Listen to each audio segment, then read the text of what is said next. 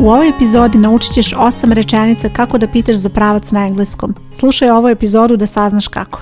Moje ime je Zoran Radović, ja sam profesor engleskog jezika i osnivač online škole English Lane.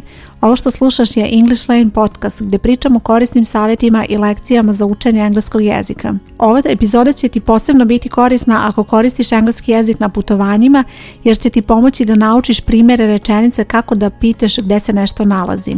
Kada učiš engleski jezik, vrlo često ćeš biti u situaciji da postaviš pitanje na jedan način ili da kažeš nešto na jedan način, ali ubrzo kako nastaviš sa učenjem engleskog jezika vidjet ćeš da postoji više načina da nešto kažeš na engleskom jeziku i nemoj da te to zbuni.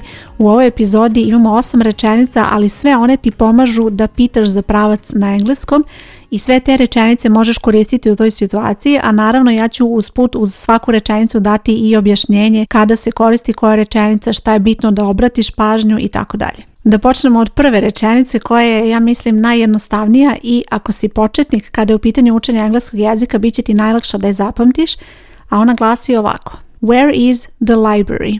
Vrlo je jednostavno postaviti ovo pitanje zato što imaš jako malo reči koje treba da upotrebiš where is, gde je i onda dodaješ u nastavku ono što tebe zanima. Dakle, ja sam rekla the library, možeš reći bilo šta u gradu šta te zanima, što želiš da pronađeš, reći ćeš where is i onda dodaješ taj pojam. Ako želiš da postaviš ovo pitanje, ali da ipak zvučiš malo ljubaznije, onda ćeš početi ovako. Excuse me, where is the beach? Ako tražiš dakle put do plaže, onda ćeš postaviti pitanje na ovaj način izvinite gdje je plaža. Excuse me, Where is the beach? Na ovaj način zvučiš malo ljubaznije u odnosu na to kada kažeš samo where is the library, kada ne upotrebiš tu reč na početku. Još jedan način da proširiš ovu rečenicu, dakle i dalje smo kod prvog primjera i dalje pričamo o ovome gde je, where is, ali postoji još jedan način da proširiš rečenicu i to izgleda ovako. Excuse me, do you know where the beach is? Ono što je ovdje bitno da zapamtiš je da sam promijenila red reči i to je nešto što treba da uradiš kada je u pitanju engleski jezik. Ako te zanima detaljnije zašto se to dešava, dešava se zato što je na početku ove rečenice indirektni govor.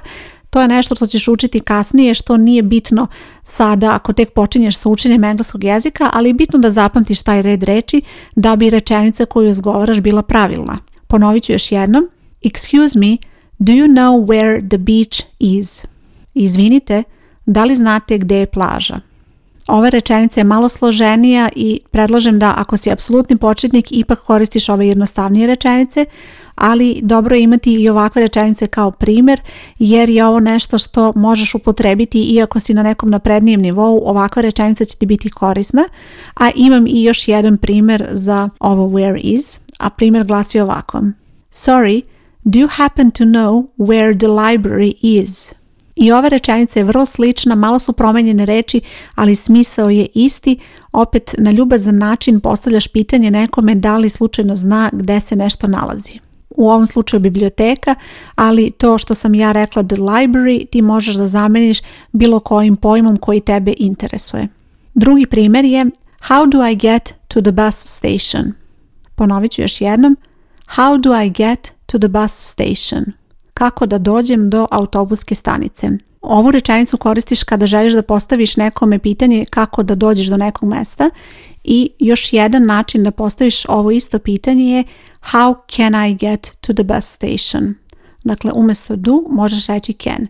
How can I get to the bus station? Naravno, ovaj pojam the bus station opet možeš zameniti u zavisnosti od situacije u kojoj se ti nalaziš. Treći način da pitaš za pravac na engleskom je ovaj. Could you tell me the best way to get to the museum? Ponovit ću još jednom rečenicu. Could you tell me the best way to get to the museum? Ovdje sam stavila the best, najbolji način, ali možeš i upotrebiti neke druge reči. Dakle, da li mi možeš reći najbolji način da dođem do muzeja? Umjesto najbolji možeš reći i najbrži. To je isto nešto što se često koristi kada se pita za pravac i to glasi ovako. Could you tell me the quickest way to get to the museum? Na ovaj način ne samo što pitaš za pravac, već i naglašavaš da ti je bitno da taj način bude najbolji, da to bude najbrži način ili tako dalje, nešto što je tebi bitno u toj situaciji i naravno na kraju rečenice opet pojam zameniš pojmom koji je tebi potreban u toj situaciji. Ovaj sljedeći četvrti primjer koristit ćeš ako ne znaš da li se to nešto nalazi tu, a sumnjaš, odnosno prepostavljaš da se verovatno nalazi tu negde i poslušaj sada kako to izgleda. Is there a restaurant nearby?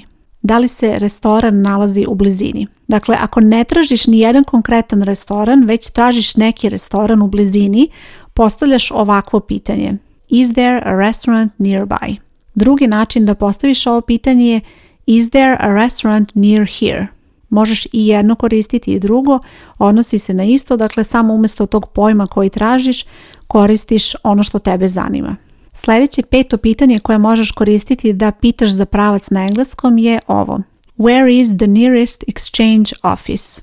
Dakle, ne samo što pitaš gdje se nešto nalazi, već gdje je nešto najbliže, i to koristiš u situaciji kada očekuješ da postoji nešto u blizini. Dakle, recimo ako znaš da u gradu postoji jedan muzej, nećeš pitati where is the nearest museum, nego ćeš samo where is the museum. Ali ako nečega ima više u gradu, kao što je u ovom slučaju sam pomenula menjačnicu, onda ćeš moći da upotrebiš ovu reč the nearest, najbliži. Where is the nearest exchange office? Gde je najbliža menjačnica? Umjesto toga možeš reći naravno i where is the nearest post office, where is the nearest supermarket. Dakle, to su sve neki pojmovi koje očekuješ da ih ima puno u gradu i onda pitaš gdje je nešto najbliže da bi mogla da pronađeš to u gradu. Primjeri su gdje je najbliža pošta, gdje je najbliži supermarket i tako dalje. Sljedeći primjer rečenice je kada ti kažeš ono što tražiš i onda pitaš prolaznike kako da ti u tome pomognu. Poslušaj dva načina kako da to uradiš. Could you help me please? I'm looking for a park. Da li mi možete pomoći, molim vas? Tražim park. Drugi način je da preokreneš red reči i da postaviš malo drugačije pitanje. I'm looking for a park. How can I get there? Tražim park. Kako mogu doći tamo?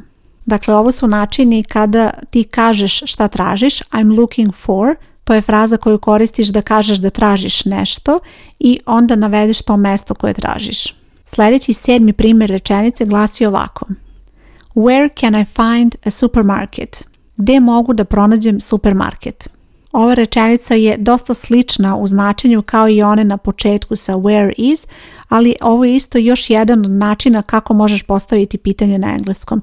Dakle, upotrebiš can i onda imamo find, naći. Where can I find? I posljednja osma rečenica je kada želiš da pitaš za neko prevozno sredstvo da li ide u nekom pravcu i ovu rečenicu ćeš koristiti kada se snalaziš u gradu i kada želiš da pitaš za neki pravac. Rečenica glasi ovako. Does this road go to the city center? Da li ovaj put vodi do centra grada? Osim reći road, put, možeš upotrebiti i bus. Does this bus go to the city center? Da li ovaj autobus ide do centra grada.